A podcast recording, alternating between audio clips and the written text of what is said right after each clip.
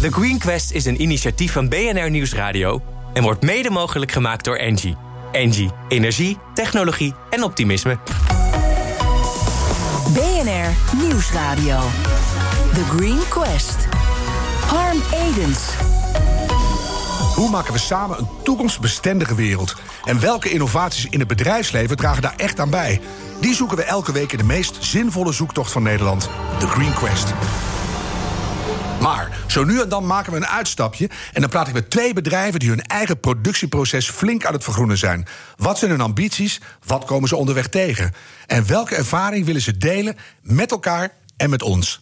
Vanuit de boardroom van BNR is het de vijfde Green Challenge van dit seizoen. En te gast zijn twee zuivelgiganten, mag ik wel zeggen. Bas Padberg, directeur van Arla Foods Nederland... en Simone Boitelle, directeur Corporate Affairs van Friesland Campina. Laat ik beginnen met nog even te benadrukken hoe bijzonder het is dat jullie samen aan één tafel zitten.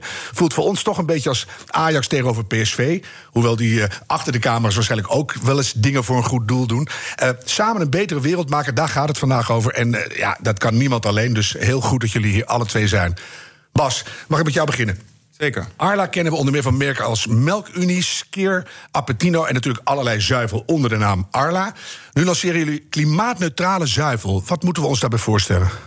Klimaatneutrale zuivel is uh, zuivel die je kan uh, nuttigen zonder een negatief gevolg voor het, uh, voor het klimaat. Mhm. Mm -hmm.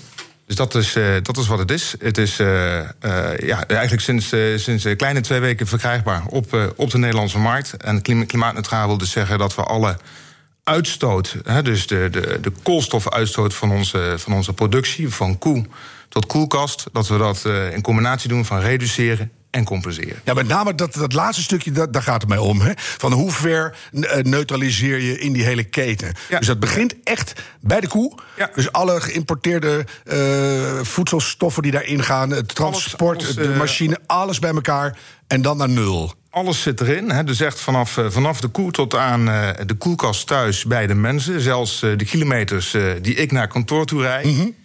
is onderdeel van de footprintberekening. Ja. En ja, dat is wel een behoorlijke klus geweest. Om dat ja, goed, ja, goed in kaart te kunnen brengen. Ja, maar dat geldt natuurlijk niet voor hele Arla nog. Dat is nog alleen niet. voor dat pakje waarop staat klimaatneutraal. Ja, dus Arla biologisch, dat is nu klimaatneutraal vanaf vandaag. Dus dat is de eerste klimaatneutrale zuivel in, uh, in Nederland. Mm -hmm. En als bedrijf uh, zullen wij in 2050 volledig klimaatneutraal zijn. Ja, maar dus dat is natuurlijk nog heel stap. ver weg. Ik kan me voorstellen dat je op een gegeven moment denkt... nou, we brengen eerst dat uh, klimaatneutrale in de schappen... en wat we daar niet kunnen compenseren nog... het is enorm complex, dat duwen we lekker even in al die andere pakken... want die zijn toch nog vuil, dus dan kunnen we in ieder geval dat product alvast brengen. Nou, we starten met, uh, met Arla Biologisch, dus daar zijn we nu mee gestart. Uh, en als bedrijf willen we dus in 2050 volledig klimaatneutraal zijn. Onze ambitie is eigenlijk dat de totale zuivelcategorie klimaatneutraal wordt. En als dat zou lukken in de aankomende paar jaar, mm -hmm. dan zullen wij dat volledig uh, omarmen. Dit is de eerste stap. En jullie mogen zeker van ons nog meerdere stappen gaan verwachten in de aankomende jaren. Ja. Wij zullen eerder dan 2050 met onze Nederlandse zuivel klimaatneutraal zijn. Dat is mooi. En dan moeten we zo even de koppeling ook naar Friesland Campina... en natuurlijk naar de hele uh, voedselbranche gaan maken. Want we je staan er samen aan. Ja, ja want je, je kan, alleen kom je waarschijnlijk nergens. Simone, uh, Arla die introduceert nu zo'n klimaatneutrale zuivellijn. Ja, wat is jullie antwoord? Een antwoord van ons staat al in het schap, denk ik. Hè? Dus... Uh het is een beetje de vraag: wat is, wat is de vraag, wat is het antwoord? Het is vol, volgens mij vandaag Nationale Complimentendag. Dus complimenten sowieso voor Arla uh, voor deze introductie. um, wij hebben uh, On the Way to Planet Proof. Op dat keurmerk zit onze uh, Campina-melk. Mm -hmm. En dat keurmerk richt zich op drie segmenten. Dus het richt zich zowel op verbetering voor het dier, hè, dus voor de koe, verbetering op klimaat. En verbetering op natuur. Dus dat is betere biodiversiteit, groenere uh, stroken waar bijen kunnen uh, komen. Ja, uh, minder ploegen van het, van het, van het gas. Mm -hmm. Dus het is een iets holistischer concept waar wij ons op richten met onze melk. Maar uiteraard denken wij ook na over klimaatneutrale concepten. Want elke consument zoekt weer iets anders. Wat zijn jullie totale doelstellingen? We hebben het altijd over 2030 en dan de sprong naar 2050. Ja. Hebben jullie ongetwijfeld ook in je hoofd? Waar moet het naartoe met Friesland Campina? Uh, ons doel is om een positieve impact te hebben op boer, maatschappij en planeet. En dus aan de ene kant zo goed mogelijke voeding produceren voor een groeiende wereldbevolking die uiteindelijk naar 10 miljard mensen zal gaan. Ja, ik hoop bij 8,6 dat we om de bocht gaan, maar. Wie weet, hè, maar 8,6 is al een hele. Is ook hoog. nog veel, ja. ja. ja. met, uh, uh, in goede balans met de natuur. En met een goede prijs voor de boer. Want uiteindelijk zijn we wel een coöperatie. Ja. Dus je wil die boeren een zo goed mogelijke prijs geven. Moeten we het straks ook echt over hebben, over die prijzen. Eerst eens even, uh, waar lopen jullie alle twee tegenaan? Als je zo zegt van we willen verduurzamen, ben je op pad gegaan. Maar dat hele systeem trek je natuurlijk bij die hele keten, komt erachteraan, zelfs Europees en wereldwijd. Bas, waar, waar loop je tegenaan nu?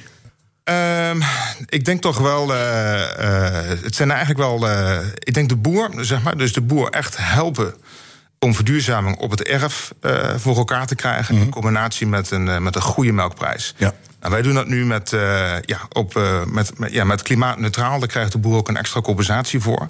Het wordt ook gebouwd zeg maar, op de biologische boeren. Hè, dus daar zit al een ja, wat bredere aanpak eigenlijk al in.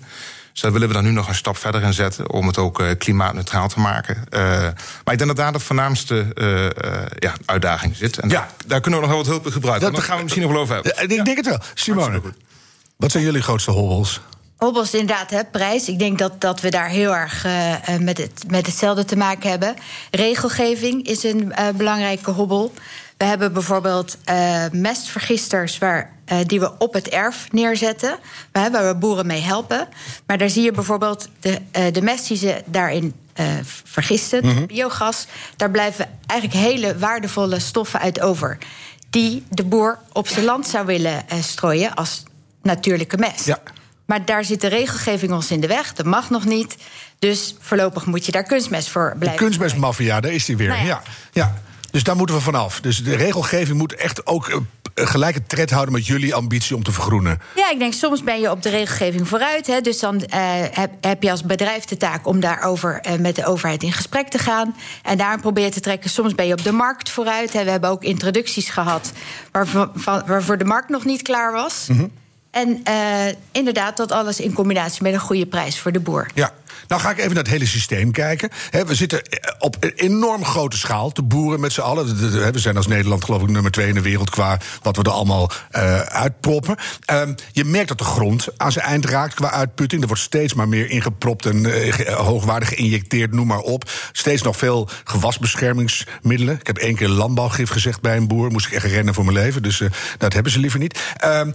In hoeverre uh, vinden jullie het belangrijk dat er ook echt een systeemverandering komt? Kijk eens even naar Bas. Want daar, daar zit uiteindelijk misschien wel de oplossing. Hè? Dat je niet dat, ja. op, de, op die enorme grote berg blijft zitten. Ja, ik denk dat we niet aan ontkomen met elkaar op een systeemverandering. En ook een. Uh, een betere balans zullen zoeken met elkaar naar biologische landbouw en, uh, en reguliere landbouw. Mm -hmm. He, dus ik denk niet dat alleen biologische oplossing is. Ik denk ook niet dat alleen regulier de oplossing is, maar wel een betere balans. Ja. ook voor, met name ook voor het grondgebruik.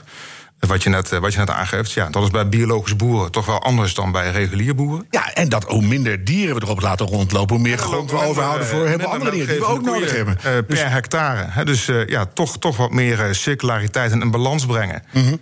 Waar een boer verboert in relatie tot de opbrengst van, uh, van voeding. Dus ja. uh, ik denk dat het nodig is. Ik denk dat we er ook uh, support in kunnen gebruiken. Dat doen we in de industrie zelf ook al. We zijn goed georganiseerd wat dat betreft. Als het gaat over onze duurzaamheidsdoelstellingen in, in het NZO. maar ook zeker ook nog wel de dialoog met de overheid. Om het, het stimuleren en het belonen ook wat dat ja. betreft als het gaat over duurzame keuzes. En dat op een gegeven moment, kijk ook even naar Simone, ook een soort fundamenteel karakter krijgt. Hè? Je ziet dat bij petrochemische bedrijven puur winst maken is zo langzamerhand niet datgene waar we het voor doen. Ook de impact letterlijk die je op de planeet maakt. Waarom ben je hier eigenlijk? Nou, dat is in jullie geval duidelijk. Vergoeien zuivel en dat soort dingen. Maar wat is je impact? Dus in hoeverre kijken jullie al naar, misschien moet het anders? Zijn jullie een game changer of een game vertrager in jouw gevoel? Nou, naar mijn gevoel zijn we wel een game changer. Kijk, wij bestaan dit jaar 150 jaar. Mm -hmm. En heel veel boerderijen gaan van generatie op generatie over. Dus boeren zijn vanuit zichzelf al heel erg bezig met hoe moet ik in de toekomst blijven boeren. En iedereen weet, daar hoort een duurzaam verdienmodel bij. Dus boeren zijn er zelf voor een deel mee bezig. Wat we verder doen, we hebben als enige zuivelbedrijf ter wereld op elke boerderij die, uh, die lid is van Friesland Campina, dus is die hebben een monitor. Mhm. Mm -hmm. Een monitor om hun biodiversiteit bij te houden. Die monitoren hun uitstoot. Op basis daarvan gaan wij met ze in gesprek van... joh, je uitstoot is zoveel, dan kan je deze en deze, deze maatregelen aannemen. Dus dat een deel zit in het gesprek. En een deel zit ook in concepten bedenken... die ervoor zorgen dat boeren beter beloond worden... Ja. voor wat ze aan duurzaamheid doen. Dus wij bouwen eigenlijk op drie paden aan die duurzamere boerderij. Laten we even kijken naar die, naar die biodiversiteitsmonitor bijvoorbeeld. Ik denk Ja. dat bij het meer, eh, overgrote merendeel van jullie boeren... die ongeveer op nul staat. Want het gaat gierend slecht met de biodiversiteit in Nederland. Dat moet jullie toch enige onrust baren, zou ik zeggen. Nou, die staat, dat, die staat niet op nul, Nou gelukkig. ja, ik hè, want overdrijf een beetje, want dat helpt de discussie. Hè? Maar Ja, ja, dat het- begrijp het ik, gaat maar- behoorlijk slecht. heel veel boeren doen eh, bijvoorbeeld aan kruidenrijke graslandstroken. Mhm. Heel veel boeren zetten stukken in hun weilanden af... waar ze eh, weidevogels eh, laten, eh, Ja. laten broeden. Ik ken alle Dus- projecten. En Nee, dus, dus er, er spelen ontzettend veel projecten. En boeren realiseren zich heel erg goed. Hier moeten we op inzetten. Tegelijkertijd zien wij in de markt. Waar heel, heel veel grote klanten vroegen ons tot nu toe om. Hè, kom eens met klimaat. Eh, Concepten. Hè? Dus dan ga je kijken van goh, hoe kunnen we zorgen dat jij, grote klant, met onze melk je eigen footprint kan verlagen. En nu zie je dat ook daar de vraag naar biodiversiteit steeds groter wordt. Dus biodiversiteit wordt een groter topic, wat het voor ons weer makkelijker maakt Ja. Om er eh, mee aan de gang te gaan. Maar stel een boer die zit bij jullie en die wil ineens zijn, de, de, de aard van zijn boerderij veranderen. Die zegt: We zitten nu bij Friesland Campina, maar we willen eigenlijk gewoon volledig natuur-inclusief boeren. We willen een deel van de melk zelf gaan verkopen voor een betere melkprijs. En dan gaat er nog een, de helft gaat nog naar Friesland Campina. Kan dat? Of zeggen jullie: Ja, hallo, we hebben langlopende contracten, stop. En het moet op onze manier.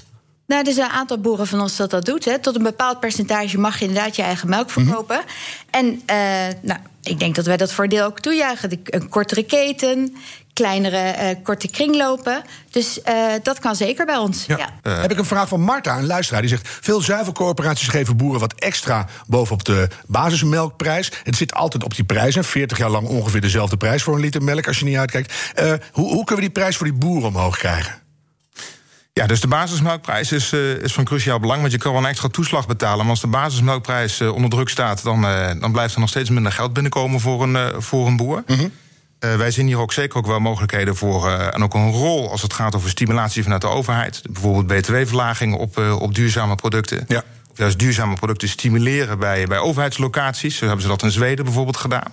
Dat heeft een enorme, ja, van enorme penetratie geleid van duurzame producten. Ja, dus er zijn best mogelijk. je merkt dat het werkt. Dus dan denk ik, waarom doen wij het niet, Simone? Waarom kan het niet sneller, denk je?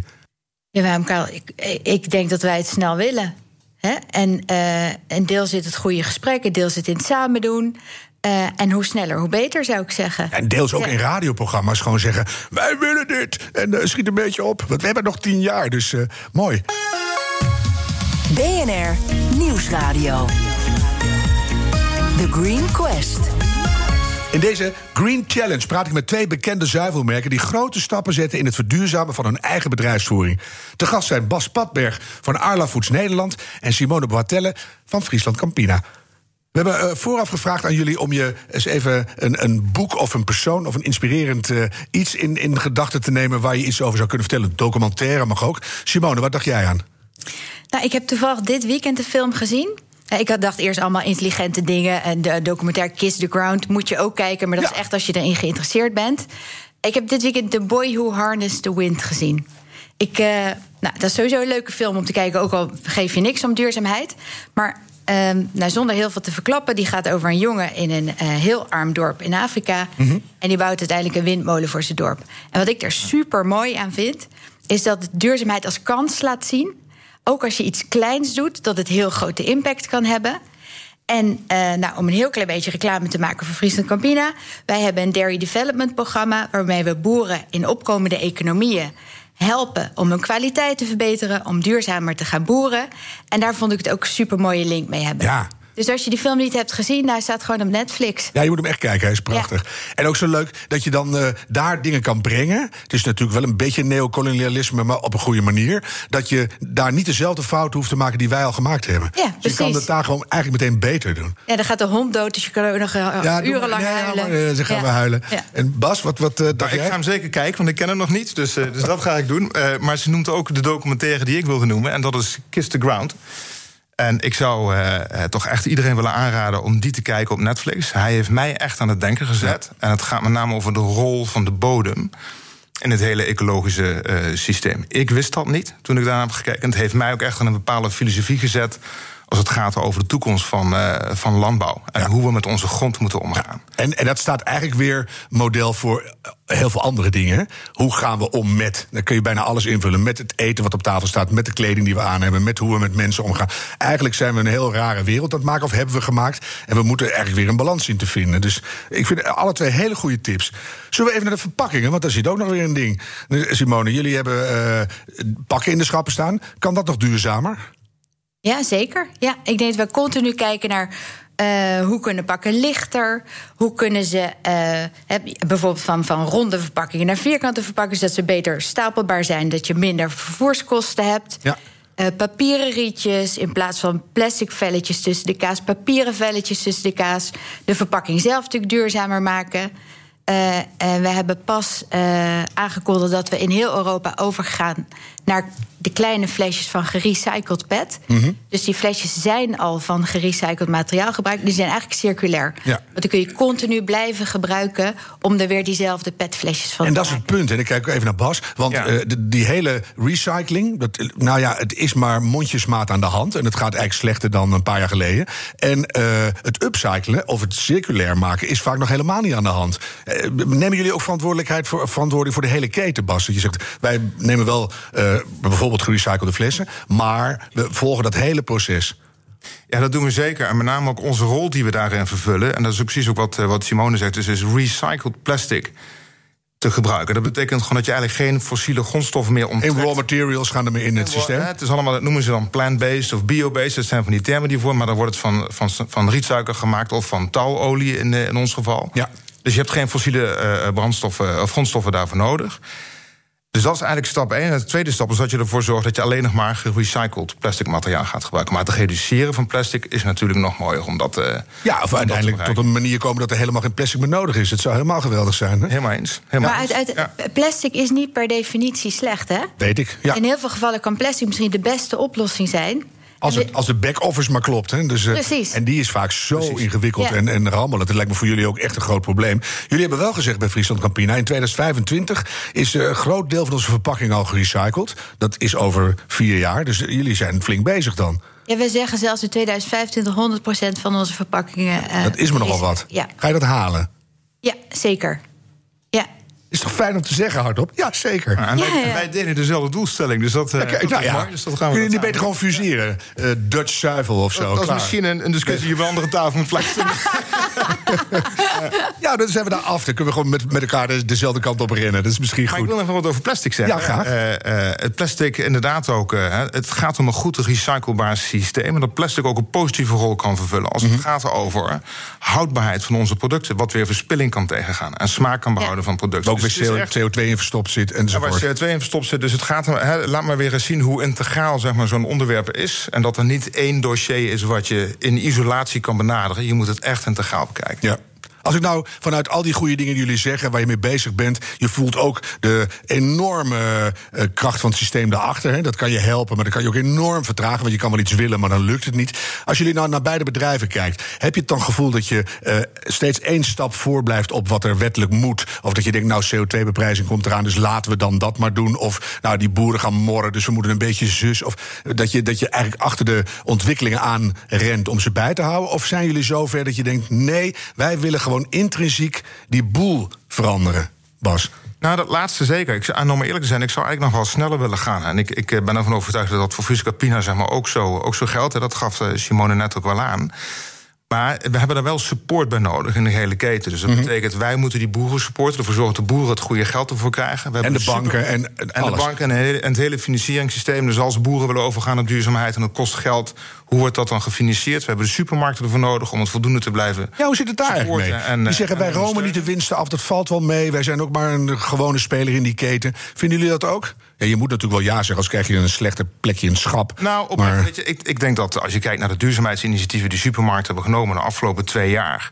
dat dat wel de beweging is die we met elkaar in moeten gaan. En toch staan die boeren op het Malieveld te schreeuwen, hè?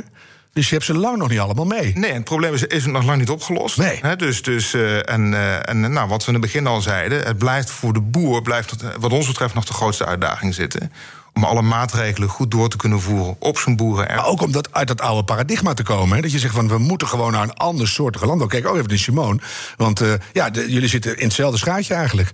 Ik denk het paradigma moet niet meer zijn meer produceren om een hogere prijs te kunnen krijgen, maar anders produceren tegen een hogere prijs. Ja, en, en dus produceren voor een betere wereld. En oh, daar krijg je ook nog gewoon meer geld voor. Ja, ja. en ik denk dat alle boeren daaraan mee willen doen. Helemaal eens. Uiteindelijk wel. Als, als we dat verhaal nou eens die samenleving ingooien. Ja. Waarom is dat zo moeilijk? Omdat uh, het gaat natuurlijk, zoals Bas ook al zegt, het gaat over een heleboel onderdelen in de keten die moeten veranderen. Het is niet alleen die boer die moet veranderen. Het is niet alleen een zuiverorganisatie die moet veranderen. Ook de consument moet anders gaan denken, moet mm -hmm. bereid zijn om een paar cent meer te betalen. Ook uh, de retailers moeten bereid zijn om dat risico te nemen richting consument. Ja. Dus er zitten een heleboel. Uh, paaltjes die net een klein draaitje moeten maken. Ik heb nog zoveel miljoen uitstaan bij de bank... omdat ik zoveel koeien onderdak moest brengen. Al dat soort dingen speelt mee natuurlijk. Uiteraard, ja. ja. En heb jij het gevoel dat er nu een, een deur flink op een keer gezet is? Dat er geen weg meer terug is? Dat we echt die kant op gaan? Of moet er nog van alles gebeuren? Nou, ik denk heel eerlijk gezegd, wat er ook gebeurt, ook al gaat die deur achter ons dicht, wij blijven uh, onze weg vervolgen. Want uh, wij zeggen uh, in 2050 willen we klimaatneutraal zijn en nog een heleboel andere ambities hebben bereikt. En dat kan je niet als je halverwege achterom gaat kijken en denkt: komen we er wel? Je moet de hele weg blijven geloven. Het kan. En we gaan daar gewoon op door. En ik denk eigenlijk, het moet. Want uh, als nou een land in de wereld last krijgt van die klimaatverandering... dan is het ons delta-landje Nederland wel. Ja, dus dan staan die koeien tot halverwege de oksel in de blubber. Dus uh, fijn beeld, hè, Bas? Dus we, we nou, moeten wel. Eigenlijk niet. hoe, hoe, delen jullie de kennis? Want je zit dan samen in zo'n zuivelschap... maar je ja. bent ook allemaal je eigen oorlog aan het voeren. Is dat zo langzamerhand een gedeeld belang dat je zegt... wij, wij spreken elkaar voortdurend, we delen alle vindingen... alle hippe shit. Dus jij zegt, ik heb een nieuw pak, nemen jullie dat ook gewoon... Weet je, dat je, dat je deelt?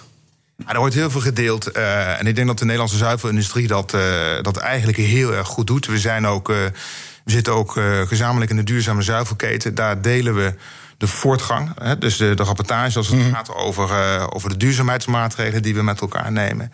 We delen systemen zelfs met elkaar. dus dat, eh, dat gebeurt ook. En natuurlijk zijn we ook concurrenten van elkaar. Maar ik denk dat een beetje concurrentie ook goed is. Ja, maar het wordt steeds lastiger, denk ik. Want je wil nou allemaal ja, hetzelfde, wat heel moeilijk is. Je, je wil het graag goed doen. Hè? Dat is de, de kern van wat concurrentie is. En dat is ook prima. Maar ik denk dat we in de basis heel goed samenwerken als, als zuivelindustrie. Je, je basis aan wat je wilt doen aan duurzaamheid is denk ik voor een heel gedeelte, gedeelte gelijk. En tegelijkertijd hoop je natuurlijk steeds dat jij de eerste bent met dat nieuwe pak. Dat jij de eerste bent met een nieuwe, nieuw soort melk. Laat ik het anders vragen. Wat zou je van Bas willen hebben op dit moment? Zeg, kom maar door. Oh jeetje, dat ja. uh... is moeilijk kiezen, hè? nee. Alles mag. Um... Als jij hem wel andersom weet, Bas, mag hij ook. Ja, hè? ik weet hem. Ik, ik, uh, ik, ik denk dat uh, Fusca Campina heeft gewoon een heel groot aandeel in de Nederlandse markt. Ik zou mm -hmm. graag die omvang willen hebben om ook die impact te kunnen maken. Aha, dus gewoon omvang, meteen voor het hele aandeel. Die was heel omvang, makkelijk natuurlijk. Maar goed. Omvang geeft wel. Nee, maar omvang geeft mogelijkheid om verandering door te voeren. Ja, en jij zou ja. natuurlijk de, de naïeve onschuld van Arla willen. willen. nou, wat ik vind dat Arla, uh, wat Arla heel goed doet, uh, Arla communiceert heel erg goed. He, heel erg actief, heel proactief. En dat, uh, nou, dat kunnen wij uh, vaak ook wel wat beter doen. Ja, ik ga jullie enorm veel succes wensen op je moeilijke tocht. En, en bespreek veel met elkaar, hè, want uh, uiteindelijk willen we allemaal hetzelfde. Bas Patberg, directeur van Arla Foods Nederland. Simone Boitel, directeur Corporate Affairs van Friesland Campina. Dank jullie wel. Volgende week zijn we er weer met een reguliere aflevering van de Green Quest. Over ruim een maand ga ik weer in gesprek met twee grote bedrijven die hun duurzame ambities met ons delen. En denk je nou, wij hebben ook zo'n goed verhaal? Meld je dan vandaag nog aan via de greenquest.nl. Deze aflevering terugluisteren kan via de BNR-app, bnr.nl of op je favoriete podcastkanaal. En bedenk minstens één keer per week die volhoudbare wereld, die maken we samen. The Green Quest is een initiatief van BNR Nieuwsradio en wordt mede mogelijk gemaakt door Engie. Engie, energie, technologie en optimisme.